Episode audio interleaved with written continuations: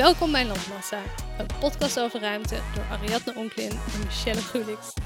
We bespreken met een nieuwsgierige, kritische blik de gebouwde omgeving in al zijn facetten. De zaken die ons opvallen, de personen en organisaties die dit vormgeven en de mensen die het beleven. Hey Mich, Hey Ari. hoe is het? Ja, fantastisch. Het is de mooiste week van het jaar. Wat is dit voor week? Het is het Songfestival. En je verjaardag. En mijn verjaardag. En je bent net jarig geweest. Zeker, 31 jaar jong nu. Mooi hoor. Ai, ai, ai. Nee hoor, prima. Ik ben al meer senior. ik word 34. Ja, iemand moet de verstandige zijn van de twee. Ja, ja, ja, ja, ja. hey, op onze Insta had je toch gepost. Ja, Ehm, dus de stokjes aan Amstel zijn weg. De stokjes, de lange latten met oranje topjes en vervangen voor mini plantjes. Ja, dus het klopte echt. Het was, je hebt het heel goed uitgezocht. Ja, alle latten één voor één eruit gehaald en dan had ze vlat een plantje Ja. erin. Het ziet er wel goed uit. Er zit een enorm hekwerk omheen, eh, om de oevers. eh, zodat mensen er niet op gaan chillen, want dat gebeurde natuurlijk. Ja, ja. Heb je nu geen idee waar we het over hebben? Luister even onze vorige aflevering terug. ja, precies. Ja. En voor de illustratie kun je altijd op onze Instagram kijken. Precies. Daar zie je de foto's van de stokjes. Had ze vlat. hey, en hoe is het met pakketjes, eh Mich? Eh, ik heb even ingecheckt met onze, onze pakket eh, testpersoon Charlotte. Ja. Maar er is nog geen pakketje verzorgd. Nou, Maar zelfs, want ik had een pakketje gestuurd en die is nog niet aangekomen. Dus ik hoop nu heel erg dat het niet is omdat het, de pakketkluis niet werkt. nee, denk het niet. Ik denk dat die gewoon sloom is met de, met de bezorging. Faling, dat denk ik wel. Faling Maar dan, bezorging. zodra we iets weten, dan posten we het. Ik ben echt super benieuwd. Ik ben ook We- echt heel we benieuwd. houden de spanning er nog even in. Ja, en Mm. nou ja, ik ga binnenkort maar even langs fietsen om te kijken hoe die erbij hangt. Ja, hebben kijk of Charlotte hem wel netjes heeft opgehangen. Ja, heel chill. Ik zie nu ook steeds op Insta dat al sommige influencers er reclame mee maken. Heb je dat al gezien? Oh, nee. Ja, we zijn trendsetters. Wij waren Wie? voor de influencers. Ja, ik weet niet, het kwam voorbij. Ah, Weet je, je scrolt en scrolt en kwam er opeens een pakketkluis voorbij. wij zijn gewoon pioniers. We zijn pi- nee, we zijn influencers. Oh, Content creators, want we zijn het ook officieel. Ja, want we, eh, we, hebben, eh, eh, we zijn nu KVK en, en voor de Belastingdienst en bij de bank. We zijn een, een VOF. We kunnen straks pinnen, allebei met onze eigen pinpas. Ja, dat klopt, ja. Al onze grote inkomsten. Zo relaxed. hey Mich, waar gaan we het over hebben? Ja, we gaan het hebben over David Hockney, kunstenaar. Ja. Die heeft iets in Londen gedaan. En Arie, jij weet er alles van. Ja. Ik ga het vervolgens hebben over ook een nieuwe stedenbouwkundige trend die is ontstaan in Barcelona. Heel spannend.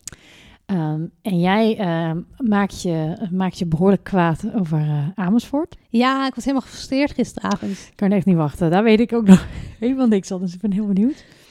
Verder hebben we een leuke, eh, ik vraag iets voor een vriend. En eh, waar kijk ik eigenlijk naar? Zitten we weer bovenop de actualiteiten. Maar echt, Bovenop. nu nog meer bovenop kan het niet. Love it. Let's go. Let's go. En we hebben ook een hoofdonderwerp. en we gaan het een beetje hebben over de rol van architecten. Ja, over de veranderende rol en hoe dat zit met opdrachtgevers en met, met marketing en met... eh, Nou ja, weet de verander, we gaan even... Luister maar lekker. Let's go. Let's go.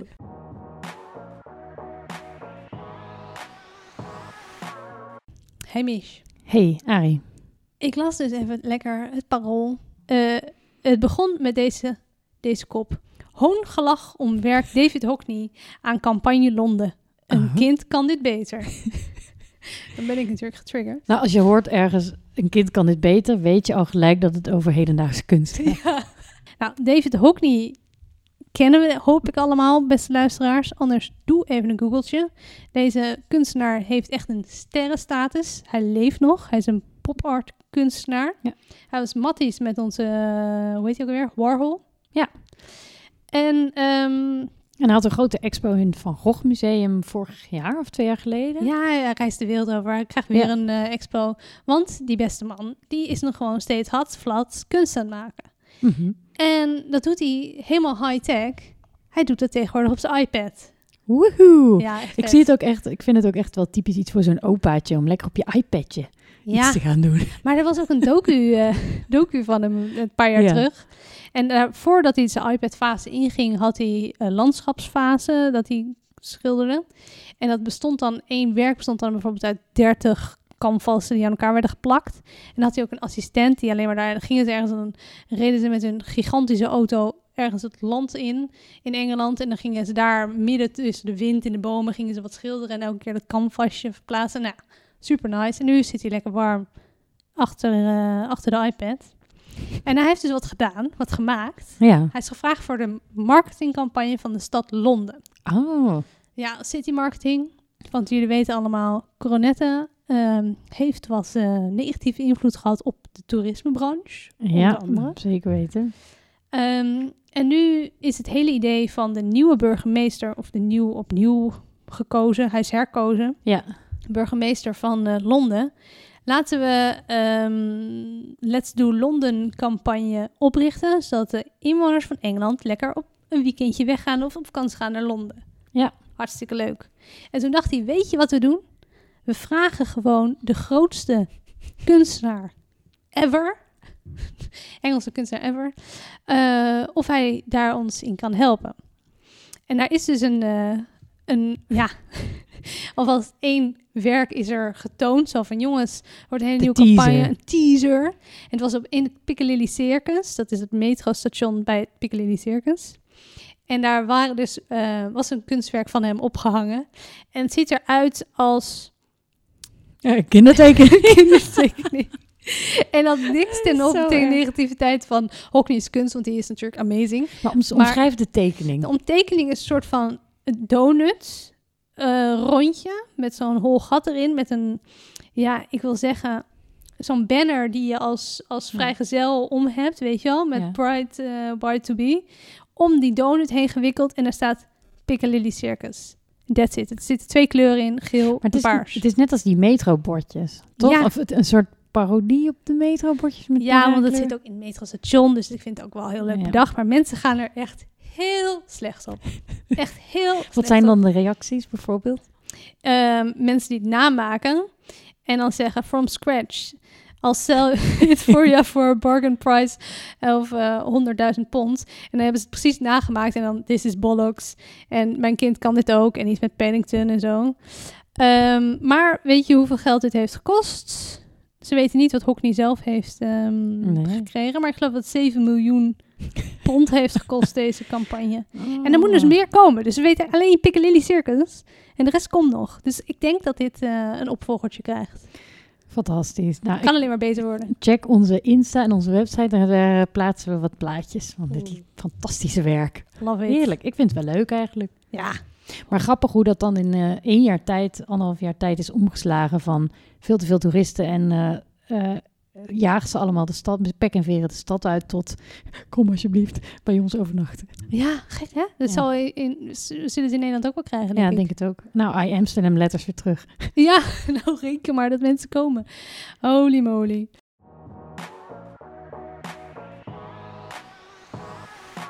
Hey Mich, Hey Arie. we gaan nu eh, van Londen, pakken we dat vliegtuigje, had, plat, naar Barcelona. Ja, dit is gewoon onze reispodcast. Oh, Ja, want ehm, ik las eh, in Trouw een leuk artikel. Ja, de Mhm. krant is vandaag onze bron geweest. heerlijk. Ehm, nou, we- er is dus een hele, hele toffe nieuwe stedenbouwkundige trend of een concept Ja. die als eerste in Barcelona is getest en waar elke stad in de wereld nu helemaal jaloers naar kijkt en zegt, dit wil ik ook. Dit gaan wij ook doen. Dit wil ik. Nou, eerst ga ik even, ehm, want het, het gaat eigenlijk over eh, de stad Barcelona, grote metropool. Dat is een van de meest dichtbevolkte steden van Europa. Oh, dit Dus niet... ja, en het is de Europees recordhouder autodichtheid. Fascinerend. Hmm. Ze hebben 6000 auto's per vierkante kilometer. En dat is veel. Dat is heel veel. Ehm, want het gemiddelde in Nederland is slechts 123 per vierkante me- kilometer. Maar ja, dat is natuurlijk in vergelijking met een stad. Dus met een grootstad. Maar aan de andere kant, het grappige is wel... dat- Nederland zit altijd vol, zeggen we toch altijd? ja, en het grappige is dat in Nederland zijn dus niet de grote steden eh, waar de meeste auto's zijn, maar juist het platteland. Want daar heeft iedereen een auto en hier natuurlijk niet. Nou ja, Nee. heel grappig. Maar door al die auto's is eh, Barcelona dus ook een van de vuilste steden van eh, Spanje. Er overlijden blijkbaar meer dan duizend mensen uit Barcelona voortijdig gewoon door de luchtkwaliteit. Elk jaar. Oh. Ja, nou, en daar moest dus echt iets aan gebeuren. Eh, want, ehm, nou ja, hoe krijg je die auto's een beetje de stad uit en hoe maak je de luchtkwaliteit gezonder? Nou, en Barcelona was dus echt het perfecte eh, eh, testplek voor een nieuwe tactiek. Want wat ze gaan maken daar, waar ze al mee zijn gaan testen, is een superblok, zo noemen ze het. Ja. Nou.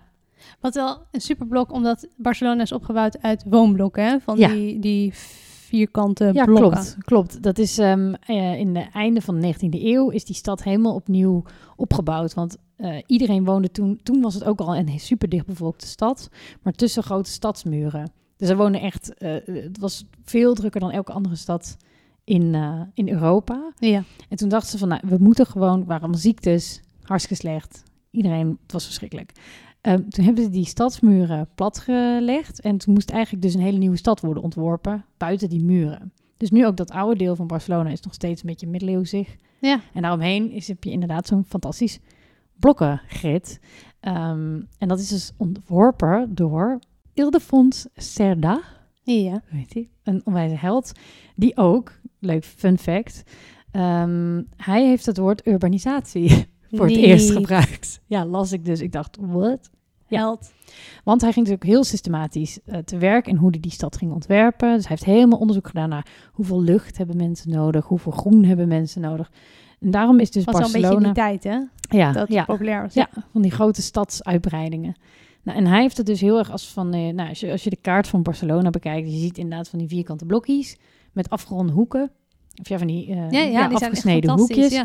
En daardoor kun je dus heel makkelijk je oh, ja, eh, blokken. En iedereen heeft een tuin in het midden, grote wegen tussendoor, overzichtelijk. Top. Plat. Nou, en wat ze dus nu gaan doen, doordat dat zo'n handig blokkensysteem is, gaan ze ehm, per negen blokken in een vierkant, dus drie bij drie, ja. Ehm, die worden autoluw gemaakt in het midden. En alleen de wegen eromheen mag je nog met de auto, eh, zeg maar, niet bestemmingsverkeer Ze maken er een soort van hofjes van. Ze maken er een soort hofjes van. Dus op die, dan krijg je dus wegen die daar in het midden van dat gridje Ja. lopen. En daar mag je maximaal 10 kilometer rijden. En wat dan kan, is dat je in het midden van die eh, kruispunten, waar dus die afgeronde hoekjes zijn. Ik hoop dat het duidelijk klinkt, maar Ja. dat, dan komt het midden van zo'n kruispunt ook vrij dat je een pleintje of zo kan maken. Want je hebt veel minder ruimte nodig voor dat autoverkeer. Maar je mag er dus nog wel in, maar met 10 km per 10 uur. km per uur. Ja. Dus mensen gaan ook terrasjes daar zetten. Ehm, ze gaan eh, daar lekker rondhangen. Ze gaan veel meer wandelen op straat. En het schijnt dus ook ehm, heel erg te werken voor bijvoorbeeld lokale business. eh, Ja. Lokale winkels. Want Omdat mensen veel meer wandelen en verzamelen in die autoluwe zo- zones... is de lokale verkoop met 30% gestegen. Maar dit is fantastisch. Maar dit Ja. proberen ze toch eigenlijk in Amsterdam ook al? Ja, Met die precies. Ja. PNR-punten. en je hebt nu ook een parkeer je fietspunt. En dan moet je verder P plus W, park plus wandel of zoiets. Oh, Ja, heb je ja. ook op het in? Nou, en wat er ook goed aan is, wat ze ook kunnen doen, omdat er dus meer ruimte komt, planten ze ook veel meer bomen. ja. Wat dan weer goed is voor de koeling van die want nou ja, Barcelona, hartstikke hete stad. Eh, dus dan wordt het beter gekoeld. Er is veel meer schaduw voor de wateraf, eh, ja, waterhuishouding. nou ja, het NK tegelwippen hebben we het in onze vorige, ja. ehm, vorige uitzending over gehad. Hier worden heel wat tegels gewipt. Ehm, ja, Maar en wat goed. Het is dus helemaal En fantastisch. wie heeft dit bedacht?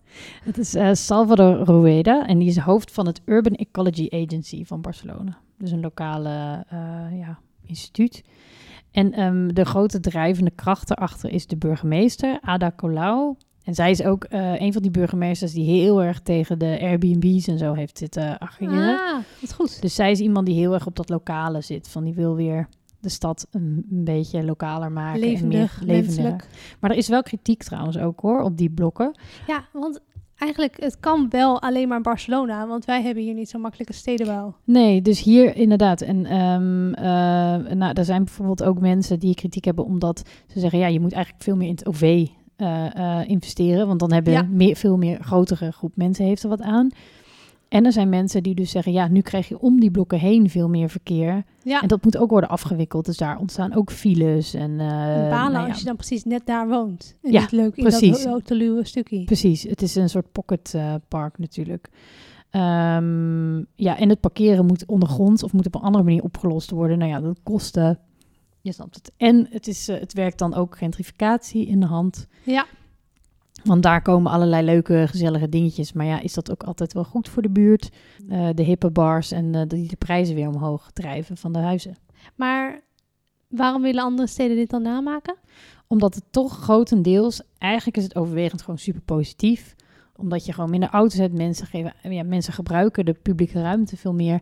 En gewoon, ik denk dat de meeste steden wel willen dat gewoon de auto een beetje uit de stad gaat. Maar draagt het ook echt bij aan de betere luchtkwaliteit? Hebben ze daar al ja, eh, staten? nou in een, ehm, want er is een andere stad waar ze een heel centrum autoluw hebben gemaakt. Ja. En dan was eerst ook geklaagd van, nou ja, het gaat allemaal omheen. Maar het was echt amazing wat daar was bereikt. Dus door gewoon auto's uit bepaalde gebieden te weren, hadden ze echt een soort, eh, ik, ik weet niet, volgens mij al 30 of 40 procent betere luchtkwaliteit. Echt, eh, Oh, Ja. dat is wel het waard. het was Ja. Vi- Vitoria Gasteiz, dat is een stad in het noorden van Spanje. En daar hebben ze dus het, echt het hele centrum, het is ook een veel kleinere stad, maar hebben ze het hele centrum autovrij gemaakt. En daar is het echt, ja, heeft het heel goed gewerkt. Wat Dus, goed. eh, ja. Oh, fascinerend. Dus eigenlijk, eh, en nu zijn er dus heel veel steden die allemaal naar Barcelona kijken van, hey, hoe kunnen wij dit ook doen bij ons? En nou ja. Amsterdam doet het inderdaad ook al in de, in de pijp. De Frans Halsbuurt, daar eh, zijn enkele straten vrijgemaakt van parkeren en er is veel meer groen geplant.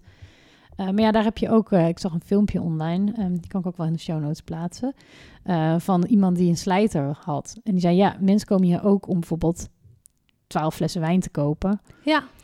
En dan heb je meestal je auto mee. Dus voor hem is het dan als ondernemer is het eigenlijk gewoon niet handig. Dan zit hij op de verkeerde plek. Ja. Ja. Oh. Dus het is niet altijd ideaal. Dus er zitten ook zeker. iedereen gelukkig maken, hè? Nee. Maar ik denk overwegend dat het dus best een, eh, eigenlijk best wel een heel goed plan is. En ik denk ook iets wat we veel vaker gaan zien in andere steden. Dat denk dus ik leuk ook. om dat nu even om erover te lezen. En even wat lekkere plaatjes in die show notes. doen we.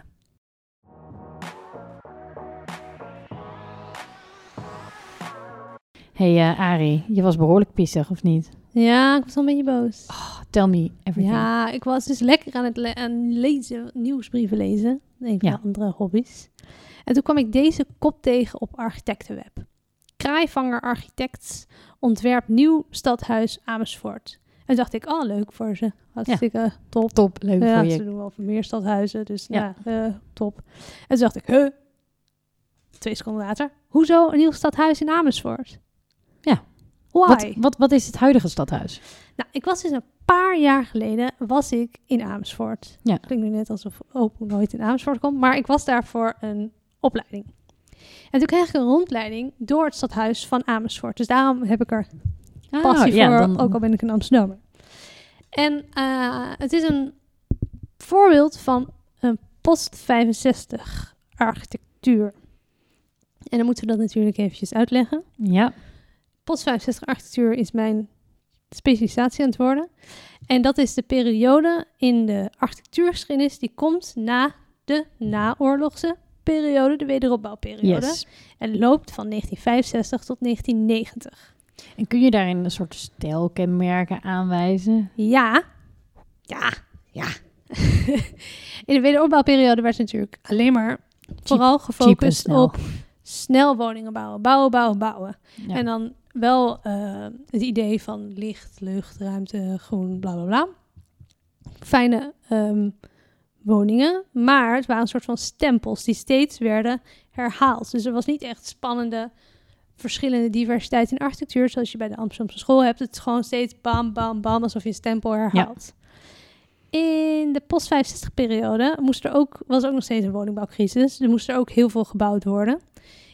Een voorbeeld daarvan eh, van een stad, wat, wat het gevolg is van de- deze woningbouwcrisis, is natuurlijk Almere. Ja, Die is jouw, gebouwd, eh, eh, jouw stadje. Nee, niet mijn stadje. Het is gebouwd als gevolg van een eh, nieuw groeikernenbeleid. Mhm. Hartstikke interessant als je denkt, huh, google het even, groeikernenbeleid. En ehm, er moest gewoon heel veel gebouwd worden. En dat deden ze net zoals in de naoorlogsperiode. Maar wat ze daar dus anders deden, was dat ze menselijk bouwden. In plaats dat ze anoniem, hatsflats, alleen maar stempelen, zeiden ze, nee, nee, nee, we gaan die menselijke eh, schaal en het individu we centraal.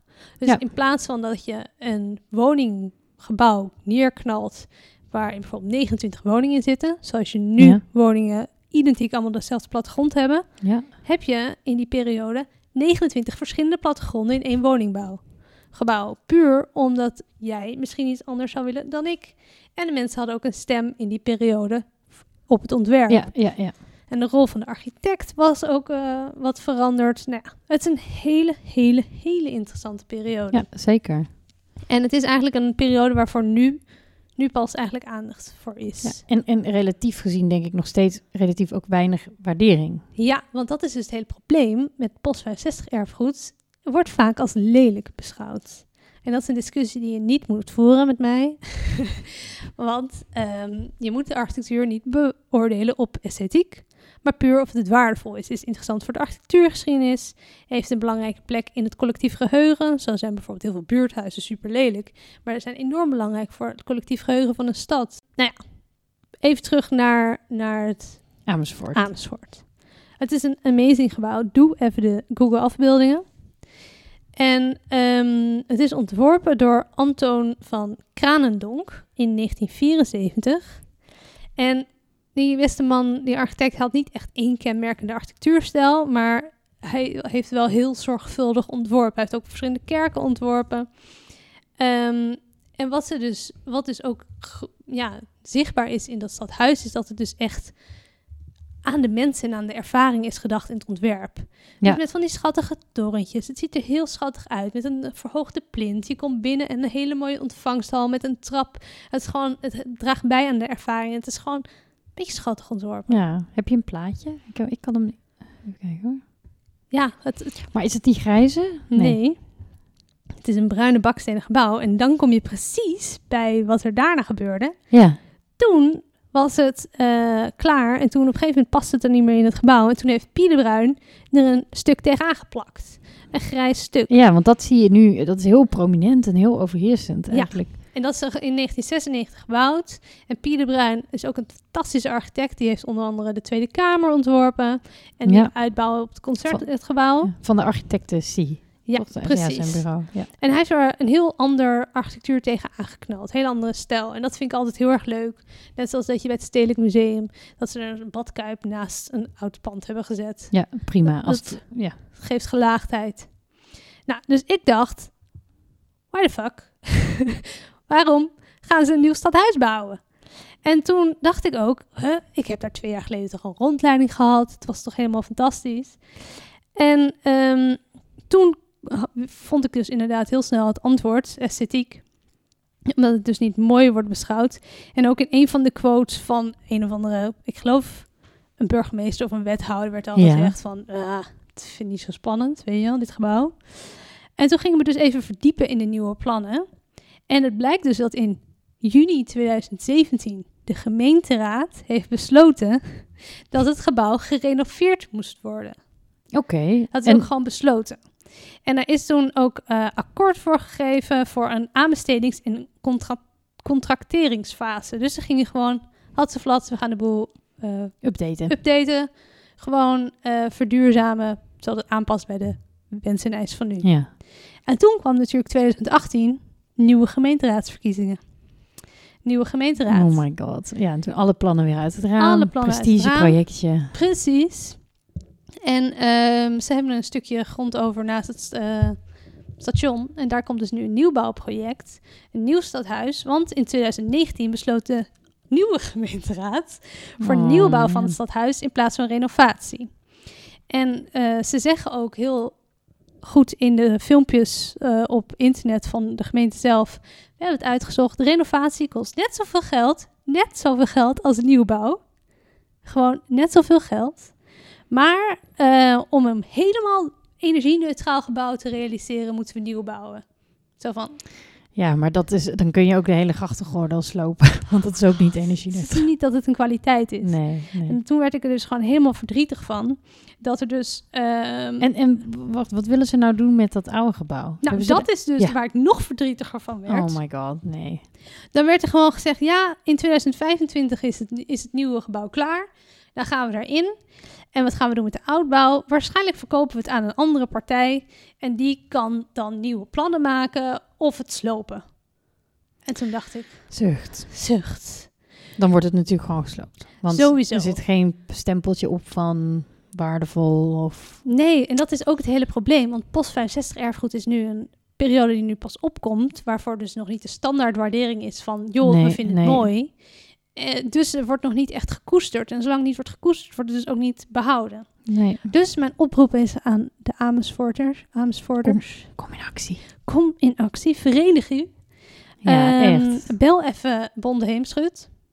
En zeg, jongens, zullen we hier even een aanvraagje voor doen?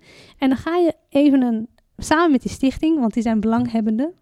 En dan staat het in de statuten, dus kunnen ze officieel een monumentenaanvraag doen. Ja, ja, dat weet deze ambtenaar.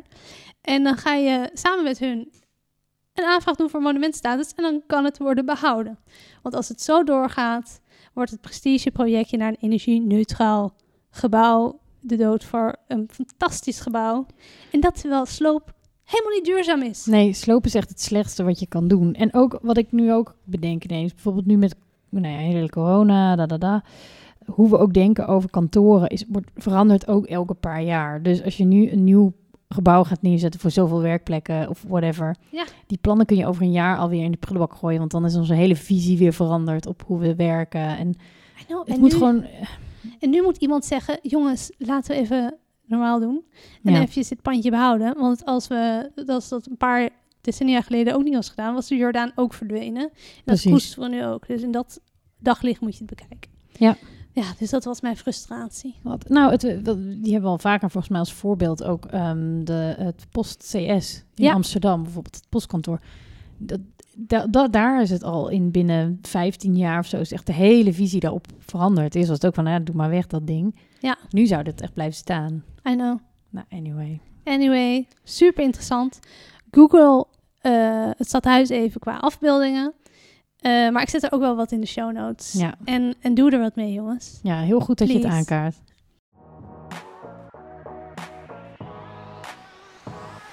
Ik vraag dit voor een vriend. Nou, we hebben een leuke vraag binnengekregen van Marije. Dat was, eh, ze luisterde naar onze podcast, eh, waarin we het ook even hadden over de prijzenparade. Dat was dus Mhm. een vorige, over de Oscars. En ze zag toen ineens, hey, maar welke BN'ers of wereldberoemde mensen wonen eigenlijk in een architectuurverantwoord slash bijzonder huis? Dan heb je zoveel geld, ben je beroemd door je creativiteit. Wat doe je daarmee? Leuke, Leuke vraag. Hele leuke vraag. En die is helemaal in ons straatje. Vertel. Ik eh, ben dus eigenlijk gewoon lekker gaan zoeken. Eh, Ja, even voor de luisteraars. Ik kreeg gisteren een foto doorgestuurd van Brad Pitt samen met onze vriend van de show Rem Koolhaas. Ja. Die zitten om een tafeltje. ja, want dit is dus het grappige. Als je dit gaat uitzoeken, het eerste waar je op uitkomt is gewoon alle eh, eh, celebrities eh, ehm, die van architectuur houden en daar heel veel over praten, of die zelf architect zijn. Huh, Want die heb je dus- celebrities die ook architect zijn? Bijvoorbeeld modeontwerper Tom Ford, Niet. Ice Cube. Niet. Nee, Ice Cube is, eh, is eh, bouw- eh, technisch tekenaar. Bouw, eh, ja, bouwtechnisch tekenaar. Courtney Cox, ofwel Monica uit Friends, is ook, heeft architectuur gestudeerd. En Seal, die zanger, Niet. Maar doen ze dit na of voor hun carrière? Uitbraak? En die, zijn toen, en, en die zijn toen een andere weg opgegaan. Maar ze zijn het dus wel. Dat vind ik echt heel cool. Tof, toch? Ja, hebben ze hun eigen huis ontworpen? Nee, volgens mij niet. Gemiste kans. nog niet. nee, Gemiste kans. zou gemiste kans zijn. Nou, maar bijvoorbeeld onze vriend, eh, ik vind dat hij ook een vriend van de show is, eh, Brad Pitt. Ja. Nou, die, die is echt, die is echt architectuur nerd. Want hij, is dus, hij heeft stage gelopen bij Frank Gehry. Of heeft hij gewoon... Waar eh, kennen we Frank Gehry van? Even voor de... Ja, van het, bijvoorbeeld van het Guggenheim in Bilbao. Ja. Dat, eh, die schroothoop, zeg maar. Ja. En eh, Louis Vuitton Foundation in Parijs. Ja, in Pa- Parijs. Dus overal waar je dat soort gekke ja, panelen, panelen en lekker creatieve... Disney optreden, theater. Ja, de Disney, Disney Theater in Ja. LA of zo. Ja, Ja. zoiets. Ja. Nou, en Brad Pitt ging dus ook op bezoek in de kunsthal in Rotterdam Bij van oma. En dan ging hij dus inderdaad... We hebben de foto als bewijs. Ze zaten samen lekker wat te drinken. En hij heeft ook verklaard in interviews dat hij heel erg fan is van NVDV. En het schijnt, eh, ik las dat online, dat eh, op het kantoor van NVDV hebben ze dat ook, dat interview, hebben ze uit het tijdschrift geknipt en En opgehangen. ingelijst. Oh, wat Ja. leuk. Waar Zou ik we... ook doen. Ja, de... waar kennen we MVDV van? Eh, nou, bijvoorbeeld in Rotterdam, de, de, de, het eh, Spiegelpaleis van, van. Eh, dat is denk ik hun bekendste in Nederland, op dit moment in ieder geval. Wat hebben ze nou nog meer gedaan? Ja, de Boekenberg hebben ze. Dat is in Brabant. Dat is een bibliotheek en die is als een soort driehoek eh, eh, gemaakt. Ze hebben toch in eh, Amsterdam ook wel meer? Ja, daar de, ehm, ik wou zeggen de pontstijger, maar de, hoe heet het? Silodam. Silodam, ja. De Silodam, dat is een woongebouw met allerlei verschillende soort woonblokjes allemaal in één ge- ge- geplakt. Maar Brad Pitt heeft dus ook een eigen stichting, de Make It Right Foundation, ja. waarmee hij 150 huizen heeft gebouwd, gebouwd na Hurricane Katrina in New Oh. Orleans. Ehm, door beroemde ontwerpers, maar met wisselend succes. Oh, Want als je een beetje verder zoekt, zijn er heel veel mensen met heel veel klachten over die woningen. nee, maar- waarom? Ehm, ja, omdat het, eh, ze gingen lekken, slechte kwaliteit, lelijk. Maar dat lag niet aan de architect, dat lag waarschijnlijk aan de aannemer. Nou, en, sma en smaak. En de, aan en de aannemer, inderdaad. maar eh, nou ja, Brett is dus echt een fan. Maar zelf eh, ja, woont hij gewoon in... eh, nou, hij heeft een kasteel met, Tuurlijk. met Angelina had hij. Dus waarschijnlijk, ik, ik weet niet wie het heeft gekregen na de scheiding. Ik Maar denk dat ze het hebben verkocht. ja, dus de- dat hadden ze. Maar verder woont hij niet in een... voor zover ik kon vinden, woont hij niet in een bijzonder gebouw. Nog een andere celebrity, die wel leuk, die heel veel met architectuur heeft, is Kanye West. Die Ja. heeft ook, ook al samen met oma, ze zijn een beetje, een beetje slutty, oma, met eh, al die beroemdheden. Hebben ze samen een paviljoen ontworpen voor zijn film, voor een van zijn eh, artistieke films. En ehm, ze hebben ehm, en eh, Kanye heeft zelf ook een concept voor de Yeezy Home gemaakt, een soort op Star Wars geïnspireerde woningen. Die Waar die kunnen toen, we dit terugvinden? Ja, oh, al- alle linkjes ga ik delen in de show notes. Het Ik is wil echt dit allemaal aanklikken. en die van Kanye was wel grappig, want die zijn volgens mij weer gesloopt omdat hij geen vergunning had of zo om daar te bouwen. Echt iets heel sufs. Zo Ja. typisch. Nou, en ik ging dus lekker zoeken welke celebs wonen nou echt in bijzondere gebouwen. Ja. Nou, en eh, ik heb weer ook weer een Google-tip voor je. Dat is namelijk de Architectural Digest YouTube-kanaal. Maar dat is zo chill. Als je het nog niet kent, moet je echt nu, nu op je computer. Zoek dit het is op. echt Dat zijn gewoon beroemdheden die to- huistoertjes geven. die een huis laat zien. Ik vond die van Dakota Johnson Ja, echt Heel mooi huis. Heel mooi Die huis. van Kylie Jenner vond ik een beetje, of nee, Kendall Jenner, een beetje tegenvallen. Ze had wel wat kunst. Maar heb je al Troy Sivan gezien? Dat is die Austra- Nee. Australische zanger. Die heeft echt een heel mooi huis. Maar daar zit dus ook een celebrity die echt in huis van een beroemde architect woont. Wie? Dat is namelijk Dr. McDreamy van Oh. Grey's Anatomy. Van, in wie woont De acteur Patrick Dempsey woont dus in een van de allereerste woningen ontworpen door Frank Gehry. Nou, die Hebben van dus. Een huis uit 1968 met een golfplaten gevel. Dat Heel is cool. helemaal vet. En het is echt best wel een mooi huis. Maar Is het in L.A.? eh, nee, in eh, San Francisco? Malibu. Oh. Maar het is wel een zwaar verbouwd eh, huis. Dus hij heeft echt wel zijn stempel opgedrukt, onze McDreamy. Maar hij heeft het best wel leuk gedaan. Hij heeft een pizza-oventje in de tuin gezet en een soort trailer in de tuin En gezet. Gary vond hem allemaal prima. Die is dood, toch? Nou, ik denk dat... Nee. Nee hoor. Oh. Springlevend volgens, volgens mij. Geen idee. Ehm, Ehm, maar, maar je hebt ik- als act- acteur, als architect heb je auteursrechten. En dan, ja, dus prima Ja, maar ehm, nou, de, de mensen die hier dus voor McDreamy woonden, die hadden al heel veel verbouwd. Ja. En toen heeft McDreamy het een beetje verder gefixt. Oh ja, Hij heeft het soort... een soort van teruggesteld. ja, een beetje wat dingen. En het ziet er gewoon best, echt best wel mooi uit. Dus... eh, Show notes. En het is echt een vet, vet huis. Nog een leuke ehm, celeb die eh, in een, eh, in een Starchitect eh, woning woont, is Ariana Grande. Zij heeft namelijk een appartement gekocht in een woontoren van Zaha Hadid aan de High Line in New York. Oh my god, dat is een van mijn Ja. favoriete gebouwen Echt in de een wereld. heel donker, curvy pand. Ja, met hele mooie ramen. Ja. Daar heb ik foto's van gemaakt toen ik op de Highline was, twee jaar geleden. En weet je wie een van haar buurmannen Nou, is? Sting. Sting en zijn vrouw wonen er ook. Eh, het is een soort hypermodern, super uh, spacey, uh, hippe de hip uh, pand. heel mooi. Ja. En Zaha Hadid is helaas overleden, maar Ja. waar kennen we haar nog meer van? Uh, nou, we hebben het de vorige keer ook over haar gehad trouwens. We over, ja, we over hebben heel vaak over haar. Nou, ze heeft in Antwerpen dat coole pand gemaakt over uh, het havenhuis, Ja. geloof ik heet het. Uh, dat is een soort grote uitbreiding op een heel oud pand met echt een hele specie uh, look. Um, ik zit even te denken. Ja. Ja, ze heeft de skischans gemaakt in uh, Innsbruck. Die heb ik toevallig gezien. Heel vet. Maar die was toch niet door haar? Dat is toch van Big? Nee, die heeft zij, zij heeft zo'n ski. Ah. Oh nee, die skischans, dat is die in Kopenhagen. Dat is de Copenhill. Ja, Dat is van Big, ja. Met uh, bovenop die... Uh, juist. Ja.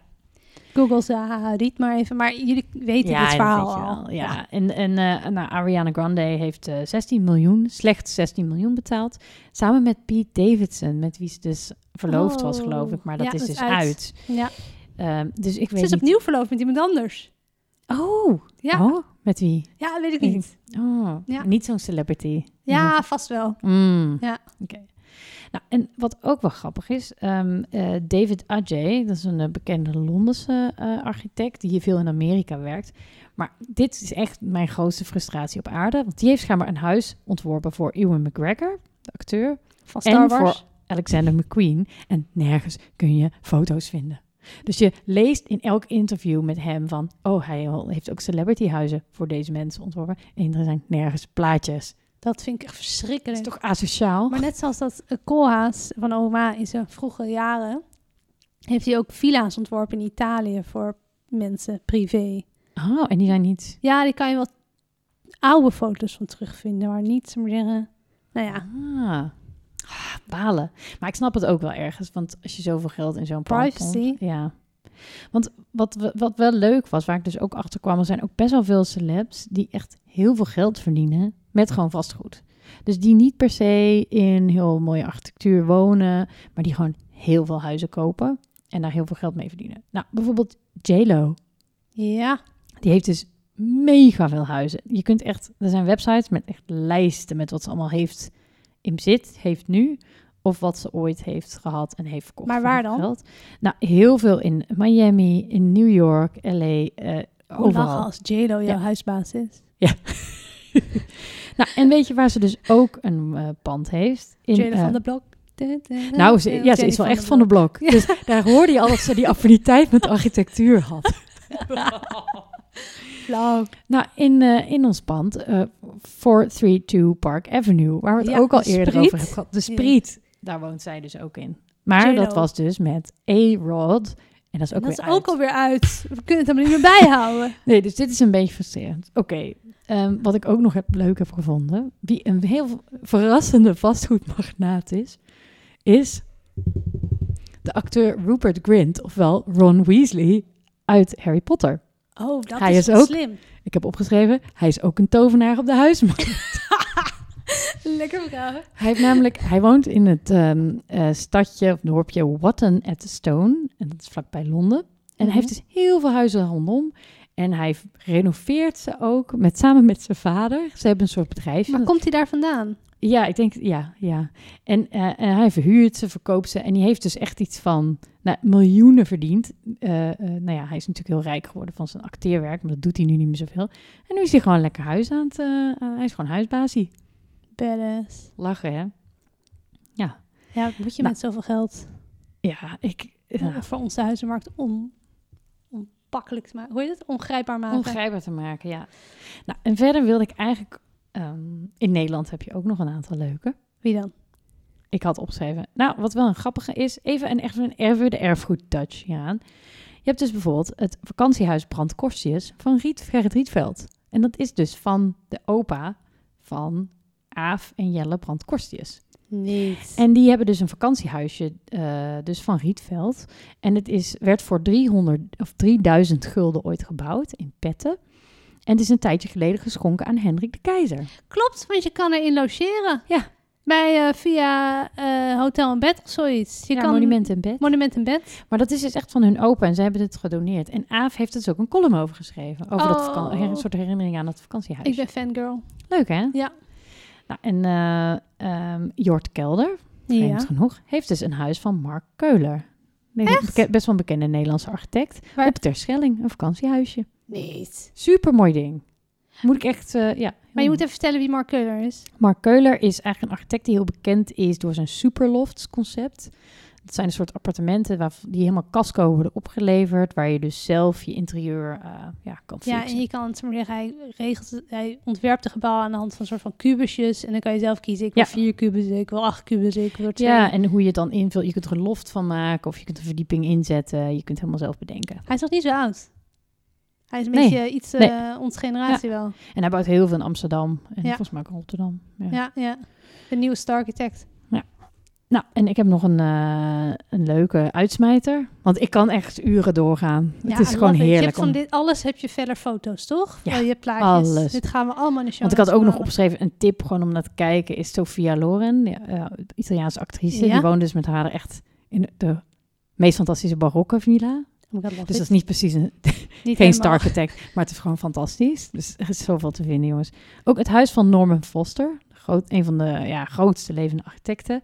Die heeft dus zijn eigen huis aan de Franse Riviera gebouwd. Tuurlijk. Holy shit. Mooi. Echt een soort fantastisch. Met hele grote ramen die open kunnen. soort met een soort zeilen. Nou, het lijkt met een soort zeilen. Het is echt Mhm. super mooi. Maar mijn echte uitsmijter is eh, weer Gerrit Rietveld. Oh. Een echte onverwachte celebrity ontwerper. Want weet je wie ook in Gerrit Rietveld woont? Vertel. Vader Abraham. En dan vragen de generatie Z-luisteraars... Wie de piep is vader Abraham? Waar komen jullie toch van? Oh. Van het Smurfenlied en van de kleine café aan de haven. En hij heeft ervoor gezorgd dat Silke naar het Songfestival ging. Oh ja, Sineke. Sineke. Dat was echt zo gênant. Oh. Oh, zoek dat ook even op. Maar ehm, hij woont in Breda in een huis ontworpen door Gerrit Rietveld.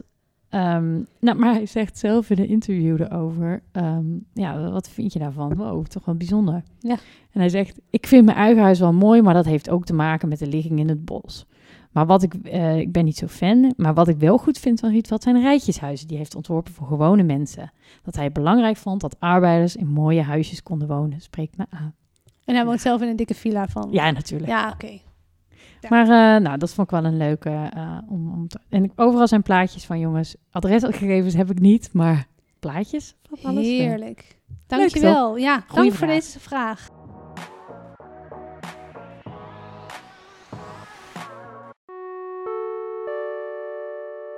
Hey, waar kijk ik naar? Hey Mich, Ja, wat voor dag is het vandaag? 17 mei. En weet je wat voor dag het is? De dag voor mijn verjaardag. En wat nog meer? De verjaardag van Maxima! Maxima. Onze koningin is jarig. Gefeliciteerd. 50 jaar. 50 Mijlpaal. jaar. Het zeker, zeker. Heb jij die tenenkrommende serie van Dion eh, dicht, Komt Dichtbij al gezien? Over Maxima de Oh leven? nee, ik heb wel die van haar gezien over Diana. Die was ook al verschrikkelijk. Dit was ook, hier gaan ze maar zeggen, de buurman van... Suikerzoete. Serieus, de buur, vroegere buurjongen van Maxima, toen ze kind was in een gebouw. Maxima woonde geloof ik op 12 hoog en die jongen op 7 hoog. Die interviewen ze over, ja, Oh my god, oké. Oké. Maar Hoogstaande journalistiek. we zitten bovenop de actualiteiten. Eh, Want wel, wat, ja, waar kijken we eigenlijk naar? Daarom, bovenop de actualiteiten. Waar was Maxima laatst om haar verjaardag te vieren? In Carré. In Carré. Nou, dus ik dacht, waar kijken we naar? Carré. goeie. Heel leuk. En nu denken jullie natuurlijk, luisteraars, ja, de, ik ken Carré. Maar dan denk ik, weet je wel waar je naar kijkt? Dus ik ga het toch eventjes hebben over Carré. Het gebouw Carré dateert uit de tweede gouden eeuw van Amsterdam. En wat, wat, wanneer was dat? In 1887 is het gebouw opgeleverd. En dat valt een beetje in dezelfde periode als dat de Heineken Brouwerij wordt opgeleverd. Paleis van de Volksvlijt, Rijksmuseum, Centraal Station, Vondelpark, Concertgebouw. Het is allemaal ehm, het gevolg, onder andere van eh, het Noordzeekanaal, wat eh, werd gegraven en opgeleverd. En waardoor de havens in Amsterdam een soort van Boost. kregen en de rijken rijker werden. En nou ja, super interessant. Wil je er meer over lezen over deze periode? Lees dan even het boek van Barbara van Vonderen, Deftig en Ondernemend, Amsterdam 1870-1910. Leuk, leuk, Echt leuk, een leuk. aanrader. Oké, nou, rijkdom, rijkdom, rijkdom. Terug naar het gebouw. Het gebouw Carré komt van de familie. Carré. Carré. Wat voor familie was dat? Nou, het was een familie van eh, een circusfamilie wat al decennia lang eh, door heel Europa rondtrok met hun paardenshows. Weet je wel, we hadden het vorige keer hadden het over de jaarmarkten. Ja, Weet je dat, ja, ja, dat idee? Circussen, wat. jaarmarkten. Precies. Show en vertier heb ik opgeschreven. Hartstikke leuk. Nou, in 1864 kwam de familie voor een optreden in Nederland. En dat beviel hun supergoed. Oscar Carré had de leiding. Ja. Hij was de zoon van Willem Carré en Cornelia Adriana de Gast, een Nederlandse paardrijster. Die Ah, dus in die show zat, had ze flats. En die ging toen met de dit is echt een film, een film die, die erop wacht om gemaakt te worden. I know. Wow. Wow. Misschien moeten wij dit doen. Nou, eh, Oscar die dacht, joh, ik vind het hier chill. Ik blijf hier lekker hangen met mijn circus. Want ik heb al twee circussen gebouwd in Keulen en in Wenen. Oh, maar echt circusgebouwen. Het Dus waren, niet tenten. Of, Nee, het waren houten gebouwen. ah, tijdelijke gebouwen. En dus ook in, op het Weteringcircuit, wat nu het Weteringcircuit is, Ja. bouwde hij een houten tijdelijke circus. Ah, En hij wilde heel graag een permanente locatie, maar de gemeente was een beetje zo van chill aan. Je hebt al een tijdelijke locatie ja, op ja. een prima plek. Tot in 1881 in Wenen een circus, precies zo'n circus, hup, de hens in ging, waarbij 400 mensen omkwamen. Echt verschrikkelijk. Oké. Het heette Ring Theaterbrand. En ehm, ja, er was van alles mis. Er was, we maar zeggen, het licht ging met gas. En toen had het gas gelekt, vloog het hele in de fik. Waren de noodverlichting, was het olie voor de olielampjes niet bijgevuld. Gingen de deuren niet open. En een raam, kon, nou ja, 400 mensen Alles dood. mis. Alles oh, jeetje. Ja, dus iedereen was een beetje van, holy moly, dit willen ja, we niet. Ja. Dus, hup, bouwvergunning gefixt, bakstenen gebouw, plekje, hier ga je bouwen. En er werden ook regels voor theaters opgesteld, zodat bijvoorbeeld de deuren altijd naar buiten toe open kunnen. Ja, ook. Dat is daarvan. Ah. Ja. Nice. Hebben wel 400 mensen een loodje voor moeten leggen, maar het heeft ons wel Zo, het zo was dat zo gaat. Het moet één keer goed misgaan. Ja. Het gebouw is ontworpen door JPF van Rossen en WJ Fuik. Het is een, eh, een rijksmonument en het wordt architectonisch als volgt om- omschreven op de website van, eh, van de Rijksoverheid. Gepleisterde gevel in eclectische neo-renaissance trant, sterk sprekend gebogen dak. Punt. Sessa. Oké. Nou, oké. Even in wat normale taal. Het is een gebouw dat is opgetrokken uit baksteen. Toen is het gepleisterd, zoals je ook de muren stukt. Ja, ja. En ik vind het heel erg lachen dat ze het omschrijven als een neo-renaissance trant. Neo-renaissance Ja, en dat valt gewoon. De 19e eeuw was een periode waarin de architecten hetzelfde deden als de architecten in de 14e en 16e eeuw. Mhm. Want dan, toen was de renaissance en toen werd er teruggegrepen op de klassieken. Denk hierbij aan bijvoorbeeld Rome was een voorbeeld van een klassieke oudheidsstad. Ja. En Florence is een voorbeeld van een renaissance stad. Waarbij ze alles gingen nadoen van de klassiekers. En in de 19e eeuw deden de mensen, de architecten, weer teruggrijpen op wat de renaissance deed. Dus ze kopieerden elkaar Ja. steeds. Yep. En eh, daarom heet het niet opnieuw renaissance. Het heet eigenlijk daarom ook neo-renaissance, omdat het weer opnieuw renaissance is. En eh, het is eclectisch, omdat het eigenlijk een groot samenraapsel is van klassieke, klassieke onderdelen. Een pick en mix van alles wat leuk is. Ja, terwijl in de oudheid was het echt super strakke bouwregels. Had je één stappenplan, die moest je aanhouden. En als je eventjes eh carré voor je ziet, dan zie je echt meest random selectie van klassieke onderdelen bij elkaar. Zo zijn eh, eh, de gevel is wel mooi horizontaal verdeeld in verschillende lagen. Dat is wel kenmerkend voor de klassieke. En dan heb je rondom de ingang heb je uitstekende zuilen. Die van een heel ander Type Eh, ze- type zeil zijn dan de andere eh, zuilen die tegen de gevel aangeplakt zijn. Dat mocht in de klassieke oudheid gewoon echt niet. Sowieso die plakgeveltjes. Dat, of zeg maar dat het niet een dragend... eh, Dragende nee. zeil is Maar dat gewoon- deed ze in de renaissance- ook wel, ja, ja, ja, ja. gewoon een beetje mix en match. Ja. En ze hebben bovenop, ehm, het zit een fronton, dat is dat driehoekige element. En een soort van tempeldak. En dat hebben ze ook boven elk raam geplakt.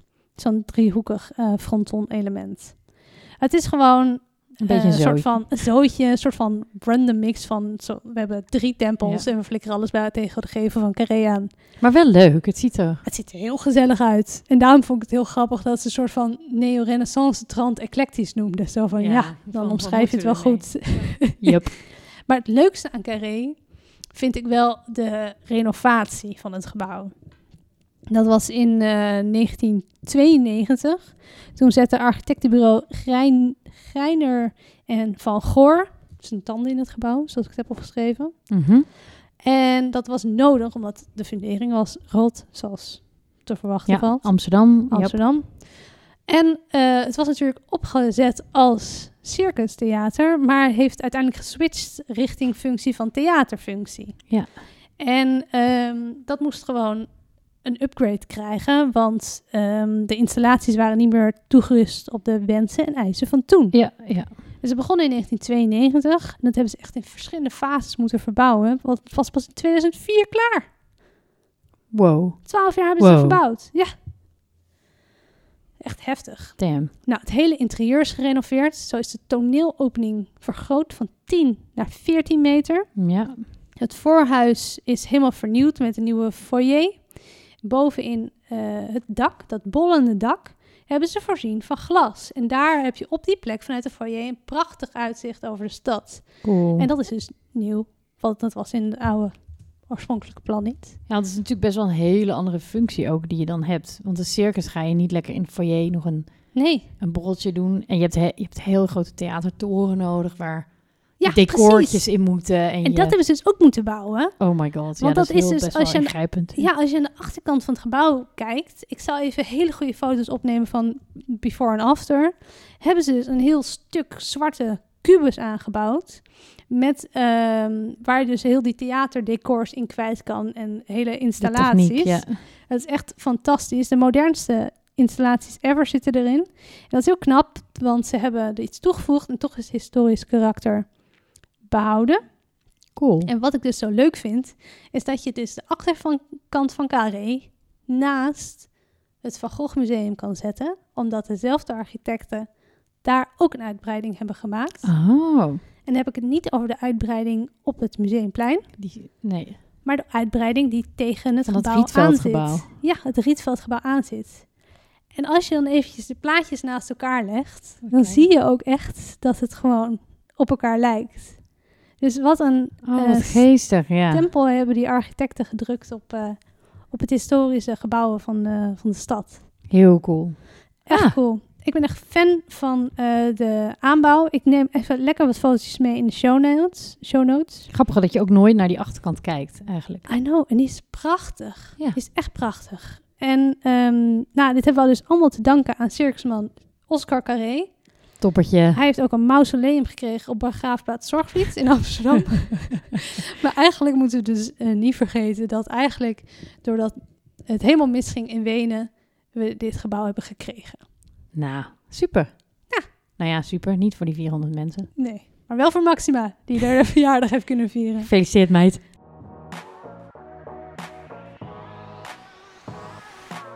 Hey, eh Arie. Yo.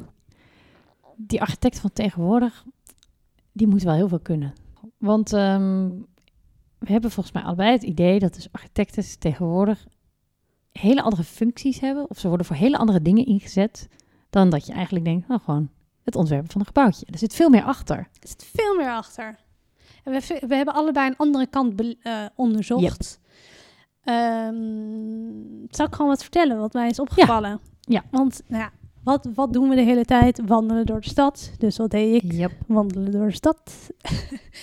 en toen liep ik door de duurste straat van het land, de PC Hoofdstraat. Dat is altijd lachen.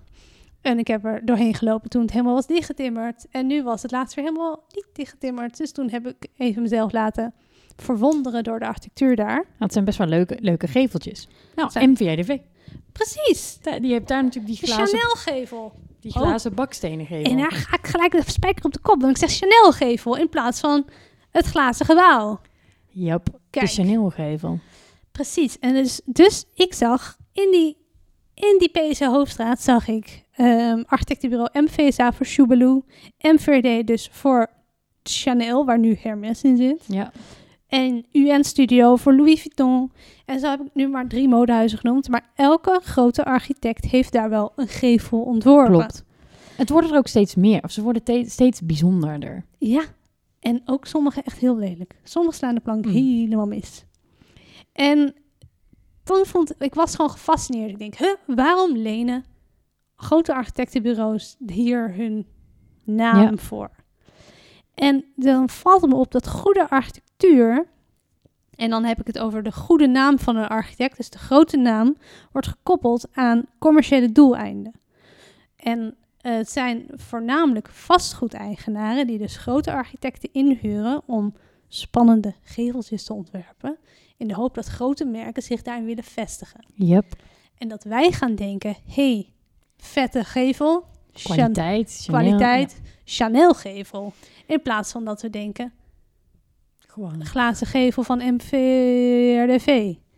Dus het is heel, ze worden eigenlijk als een soort billboard Architectuur wordt als billboard gebruikt. En daarvoor gebruiken ze niet zomaar random architect. Nee, ze huren daarvoor in de voorbereiding dus een hele grote naam voor Mhm. in. Dat vind ik gewoon fascinerend. Waarom Want vinden ze Want uiteindelijk is het ook alleen maar een geveltje. Dus weet je wel, het is, het is meestal ook niet...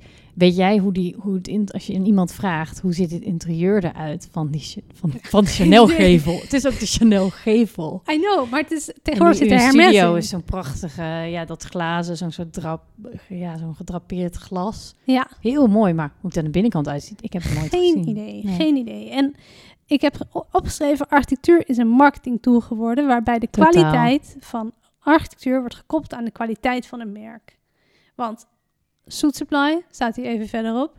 die hebben de grote, grootste architect van nu ingehuurd, de big architecten... Ja, oh ja, om een, eh, een nieuwe hoofdkantoor te gebouwen. En ze zeggen, ja, het is een ode aan Amsterdam. En we doen het voor de stad, een icoon, bla bla bla bla bla. En ik denk, oeh, ze, wonen- ze hebben een mooi gebouw. Dus ze zullen ook wel mooie pakken maken. Ja, Maar eh, inmiddels blijkt dus dat de Soet Supply het gebouw weer verkocht. echt waar? Ja. Oh god. Dus het wordt, architectuur wordt gewoon puur ingezet voor commerciële doeleinden. En dan worden, weten de grote architecten wel dat ze dan... Ik vind het een beetje dat ze worden misbruikt. Ja, het is wel fascinerend, want het werkt natuurlijk ook de andere kant op. Kijk, als MWDV op zijn website Zo'n mooie Chanel-winkel, het ja. werkt ook de andere kant op. Zo'n merk als Chanel is natuurlijk ook voor hun een eh, ja, een prestige-ding. Kijk, Ja. je kunt beter voor Chanel dan voor de Van Haren, zeg maar, Ja, iets doen. Kijk, dat is ook voor hun portfolio natuurlijk weer heel goed. interessant. Ja, ja. Dus, Dus en ik denk, commercieel. ja, en het is ook gewoon, ehm, ik denk dat zo'n merk, kijk, die- maar die architectenbureaus, die grote, zijn natuurlijk ook zelf merken. Ja. Dus die worden ook gewoon gebruikt eigenlijk om hun, ja, om de naam. Ja. Om de naam. Nou, ik moet, toevallig moet ik ineens denken, want eh, ik ben erop afgestudeerd op die samenwerking tussen Prada en OMA. Ja, Op die catwalk ontwerpen. Want eh, OMA ontwerpt eh, die catwalks. En toen ben ik ook in die hele geschiedenis van die samenwerking tussen modehuizen en architectenbureaus een beetje gedoken. En dan zie je dus dat het, hoe meer die social media en zo opkwam bijvoorbeeld, moesten ehm, bijvoorbeeld modeshows waren vroeger altijd alleen maar voor de mode. voor de modepers bijvoorbeeld en voor inkopers van grote warenhuizen. Van nou, kom eens kijken naar onze. Maar in de, in de tijd van social media is het gewoon veel meer belangrijk hoe ziet het eruit en is het catchy. Dus je hebt bijvoorbeeld Chanel die zo'n ijsberg eh, Ja. op de catwalk zetten. Als een soort, nou ja, dat slaat natuurlijk helemaal nergens op. Het is echt, maar het is wel spectaculair. Of Louis Vuitton die zo'n carousel bouwt. Het gaat alleen maar om de collabs, en dus- samenwerking. Ja, en ehm, Prada die deed dat dus door eigenlijk door OMA in te zetten als een soort partnerbureau. Want die zijn ook, Prada wil ook een beetje uitstralen, een beetje intellectueel, weet je wel, luxe merk, maar intellectueel en een beetje moeilijker, weet je wel. Een beetje Mhm. gekke technologische materialen. Nou, en dat deed OMA ook. Dus die zijn al tien jaar of zo, vijftien jaar misschien al wel, gewoon samen lekker aan het werk. Maar het is echt dat het van beide kanten een soort Interessant is. interessante samenwerking is, ja. Maar ik vind aan de ene kant, vind ik het, zeg maar zeggen, dat leuk, dat het een interessante samenwerking is. Want G-Star Royal heeft Ja. ook OMA ingehuurd om hun hoofdkantoor te ontwerpen. En het Ja. is echt voor die functie ontworpen en het ziet er goed uit. Maar nu nemen de vastgoedeigenaren de rol op zich om dus voor grote architecten in te huren om dingen dus te bouwen. Wat heel de PC Hoofdstraat is allemaal ontworpen ehm, voor die vastgoedeigenaren. En die vastgoedeigenaren doen dat in de hoop dat merken zich dus in die gebouwen willen bevinden. Ja, dus ja. het gaat puur om het commerciële in plaats van om die fantastische samenwerking. Ja. Fascinerend. Heel veel, maar zo zie je ook weer dat die, bijvoorbeeld die opdrachtgevers, dat, die, dat daar ook zo'n shift in zit. Van het is inderdaad niet meer gewoon eh, Het bedrijf het bedrijf zelf. zelf, maar ja, het zijn die tussenpersonen. verkoopt het. Ja. Die, die doet het wel en Want die dat vind ik wel, dat wist ik helemaal niet, dat die dat gewoon al verkopen. Dan denk je van ja, maar ook zo'n Chanel-gevel, die nu dus Hermes is. Ja. Dat is toch eigenlijk ook best wel raar, want het is zo'n identiteitsding. En gewoon omdat Chanel staat natuurlijk op al die foto's nu. Ja. dus het is nu wel Hermes, maar je denkt elke keer, oh ja, de Chanel-gevel. I Dus het is heel... En Louis ehm, Vuitton zit dus nu in een gebouw wat eh, ontworpen is door UN Studio. Ja, Maar er wordt nu aan de overkant wordt een nieuw gebouw ontworpen voor Louis Vuitton. Dus die gaat er ook weer uit.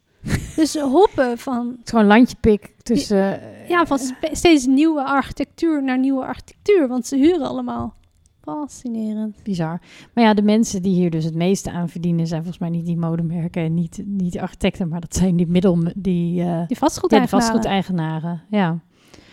Ehm, nou ja, dit is wel grappig, want daar heb ik, ben ik dus een beetje ingedoken in dat opdracht, de veranderende rol eigenlijk van opdrachtgeverschap en hoe architecten daarmee omgaan. Ja. Want eh, nou, daar was ik ook ingedoken dat bijvoorbeeld in de architectenbranche sinds de crisis van 2008 is meer dan de helft van de werkgelegenheid in de architectenwereld weg. Huh. Ja, dus de helft van de architectenbureaus is gewoon verdwenen. Die, die kon niet overleven. Bizar. Bizar. Het is echt niet. Echt die bizar. hele sector is gehalveerd.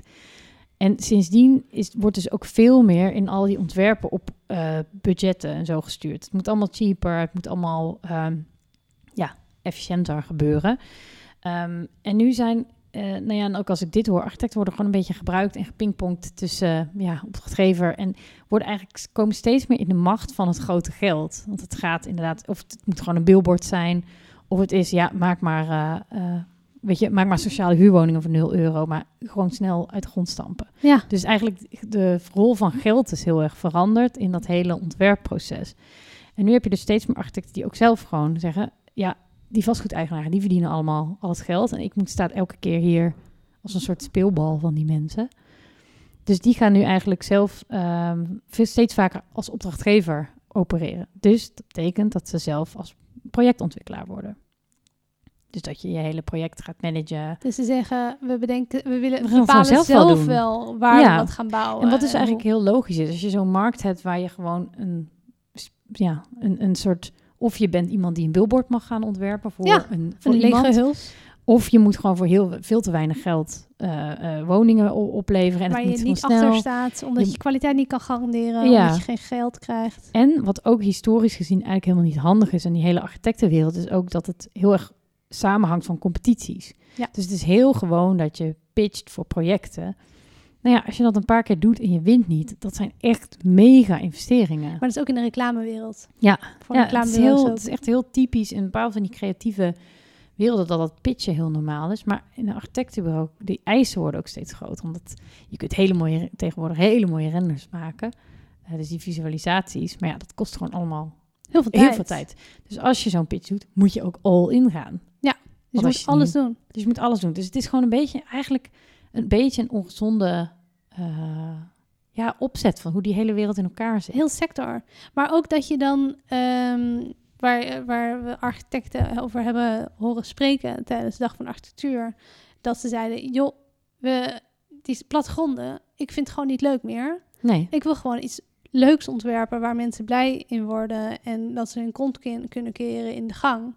In plaats van dat je eigenlijk je moet houden aan de bouwenvelop zoals die meekrijgen. Dus de eisen van de ontwikkelaar. Ja. Zo van je hebt zoveel budget, er moeten zoveel woningen in en er moeten zoveel vierkante meter elk huis zijn. Dat beperkt dus heel erg je, je, in- je creativiteit. En daardoor Ja. vinden architecten het ook vervelend, omdat ze dan niet een bepaalde kwaliteit die ze willen nee, maken, niet kunnen maken, omdat ze worden beperkt. Ja, En totaal. daardoor nemen ze zelf graag liever nu dus die rol als opdrachtgever op zich, Precies. of niet? Ja. Ja. Ja, Nou, ik vond eh, een leuk eh, interview met eh, Nanne de Ru. Dat is de oprichter van Powerhouse Company. Ook een heel Mhm. groot architectenbureau. En die, die verwoordde dat best wel goed, vond ik. Ehm, ik zal het even voorlezen. Hij zei, ehm, nu gaat het in Nederland bij het bouwen vaak zo. De architect levert een ontwerp aan, een projectontwikkelaar... eh, oh, de architect levert een ontwerp aan een projectontwikkelaar... en die haalt er vervolgens als van een mooie taart de kersen en slagroom af... omdat hij die ook zonder wel denkt te verkopen. En als dat niet gebeurt, dan krijg je wel te maken met een aannemer... die de ingrediënten van je recept verandert... zodat je spaghetti bolognese in een fouillon hai verandert. Oh, dat lijkt me Dus- echt heel vervelend. Ja, dus dat het de hele tijd van elkaar... Het, eh, je zit echt aan het einde en je moet maar doen... Je, ja, je bent gewoon een speelbal van die mensen. Ja. Dus, eh, En ja. zijn er welke architecten nemen nu de rol van opdrachtgever op zich? Nou, dus ehm, Powerhouse Company Van Nanne de Ru. van Anne Ru, die hebben eh, de ontwikkeltak RED, R-E-D. ehm, en die hebben eigenlijk gewoon ontwikkelaars aangenomen. Eh, en die dachten, weet je, ik ga het, gewoon, ga het gewoon lekker zelf doen. Dus ze hebben nu een eigen floating office ontwikkeld en ontworpen. Vet. En dat is hun eigen bureau.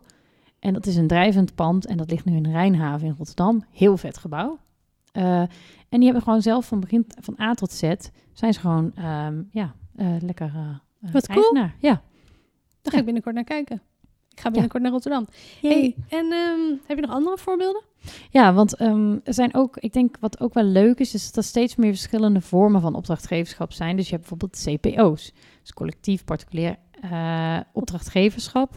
Dat zijn dus een soort, ehm, ja, eh, hoe noem je dat? Individuen Ja. die samen eh, een huis gaan bouwen of een, of een woonblok. Ja. eh, waar je bijvoorbeeld met verschillende gezinnen in woont. En daar zijn ook veel architecten die daarin stappen. Dus, en die dan vaak zelf... Puur best- architecten. Ja, puur architecten doet dat Met inderdaad. U's. En ehm, eh, nou ja, Mark Keuler doet dat ook. Ja. Die is daar ook mee bezig. En dan ben je dus zelf ook een tikje eigenaar. Of je hebt veel meer ehm, invloed op hoe het eruit gaat zien. En financieel zit je er ook wat beter in. Want ehm, ja, financiën worden gewoon altijd eh, gedrukt. Want het moet een beleggingsobject zijn. Dus je moet Ja. goedkoper bouwen. Nee, maar- Meer oplevert. ja, en ehm, je hebt bijvoorbeeld ook eh, CPZ. Ja. Eh, en die hebben CPZ Projects. Dus dat is hun pro- Wat is CPZ? CPZ is eigenlijk een heel technisch eh architectenbureau. Daar staan ze heel erg onbekend. Die maken echt hele slimme, ehm, ja, wel heel strakke, hele beetje starre architectuur. Maar ze hebben bijvoorbeeld de tijdelijke rechtbank in Amsterdam gemaakt. Ja, dat was zo mooi. Ja, en die heeft eh, ook de Amsterdamse architectuurprijs gewonnen. Want dat, die kon je helemaal uit elkaar halen en er op een andere plek opnieuw in elkaar zetten. En nu las ik dus dat het inderdaad door hun eigen ontwikkeltak ook is gedaan. Dus dat uit elkaar halen en in elkaar zetten op een andere plek, moeten zij ook echt zelf gaan realiseren. Wat vet. Ja. Heel vet. Dus ik denk ook, als je zelf ontwerpt en zelf eigenaar blijft voor langere tijd, of zelf betrokken blijft, dan moet je ook zulke slimme dingen gaan bedenken. Dus ik denk Ja, dat ben je zoveel meer beter- betrokken bij je gebouw. Ja. Heel vet. Ik denk dat, dit, ik denk dat dat goede architectuur oplevert. Ja, ik denk In plaats van, oké, niet, niet tegen de PC Hoofdstraat eh, gevels, maar dat dat slechte architectuur is, vind ik ook prachtige architectuur. Ja, Maar ehm, het betekent dus, het, zijn wel, het is wel anonieme architectuur, want je ziet al, iedereen hopst van gebouw naar gebouw naar gebouw. ja, En wat als die glazen Chanel-gevel is uitgespeeld en niemand wil er meer? Wat moet er dan mee, weet je wel? Ja. Het is heel eh, vlug, Ja. vluchtige architectuur. zeker. En dit eh, met de eigen opdracht, architect als eigen opdrachtgever is denk ik veel duurzamer. En, eh, dan wil je ook langer betrokken blijven. En ik denk ook, kijk, een architect is natuurlijk echt een creatieveling. Dus dat wordt ook een leuke opdrachtgever, want die gaat zelf slimmere dingen bedenken, omdat hij denkt, nou, ik ga het zelf wel oplossen. Ja. Dus ik denk ook dat het best wel innovatie of zo kan opleveren. Nou ja, een floating office. Het Ja, idee al dat zo'n powerhouse dat dus, voor zichzelf al doet, is best wel een maf. best Of wel ja, cool. best wel een innovatief idee. Ehm, dus het is eigenlijk gewoon heel cool. Interessante ontwikkelingen dus in de architectuur. Ja, echt heel veel. En ik denk ook, er komen steeds meer ehm, ja, andere... Weet je, iedereen heeft wel door dat in Nederland... Het moet wat gebeuren, want we moeten gewoon heel veel gaan bouwen. Heel veel woning bouwen. Dus er komen ook steeds meer nieuwe technieken op... en nieuwe manieren waarop je een project kan vormgeven. Dus digitale tools. Weet we je hebben dat het je... over hout gehad. Ja, en dat je aannemer, of dat je, ja, je aannemer en je, je, ah, je adviseurs en de architect zitten allemaal samen in één programma Ja. digitaal te werken. Dus het loopt ook allemaal wat meer door elkaar heen, denk ik. Ja. Ehm, die, die lijnen die worden een beetje blurry. En dat is En leuk. Luisteraars, als jullie denken, joh, ik heb een leuk voorbeeld, laat even weten. Ja. Stuur het even in, deel het op de Insta, tag ons. Hartstikke leuk. En doen we dat ook als architectuur, als uithangbord, eh, als reclamebord, maar ook dus duurzame architectuur. Ja. Laat het ons weten. Ja. Interessant. Heel leuk. Oh, je kun je echt nog uren over filosoferen. We schrijven er ook een column over in de architect. Ja, Eh, lees achter het betaalmuurtje. Lees hem ook. We gaan hem delen. Eh, of klik gewoon 20 keer op de pagina. Top. hey, en eh Mies, wat, eh, Ja. heb je zin in je verjaardag morgen? Ja, best wel. Ehm, ik moet nog even bedenken wat ik ga trakteren op mijn werk. Mhm. Maar, eh, en het is Songfestival krijg ik cadeau. Ja. En de vorige keer, ja, ik had het net al tegen jou verteld, maar even voor onze luisteraars. Ik ben er heel trots op. De vorige keer was mijn verjaardag. Was het dus eh, twee jaar geleden. Won Duncan Lawrence op mijn verjaardag. Beste cadeau ever. Dus het is altijd, altijd feest. En doe je morgen net zo'n mooie jurk aan als Maxima aan had naar Carré? Eh hell yeah. Goed zo. Doe mijn nieuwe outfitje aan. Hey, thanks voor het luisteren jongens. Dankjewel. Eh, like en subscribe wil ik zeggen, maar ja, we zijn geen YouTube. Dus Nee. ehm, Volg ons op Insta. Ja, laat even een positieve 5 sterren reactie af, achter op de Apple podcast. Eh, mail ons op landpassenpodcast.gmail.com. En we hebben ook nog een website vol met show notes. Ja. www.landmassa.nl En stuur ons vooral al je vragen in voor waar kijk ik naar. En Ik vraag iets voor een vriend. Yep, want eh, wij, wij worden er ook heel, leu- heel vrolijk en creatief van om jullie vragen lekker uit te pluizen. Precies. Helemaal leuk. Hey, eh, later. Joe!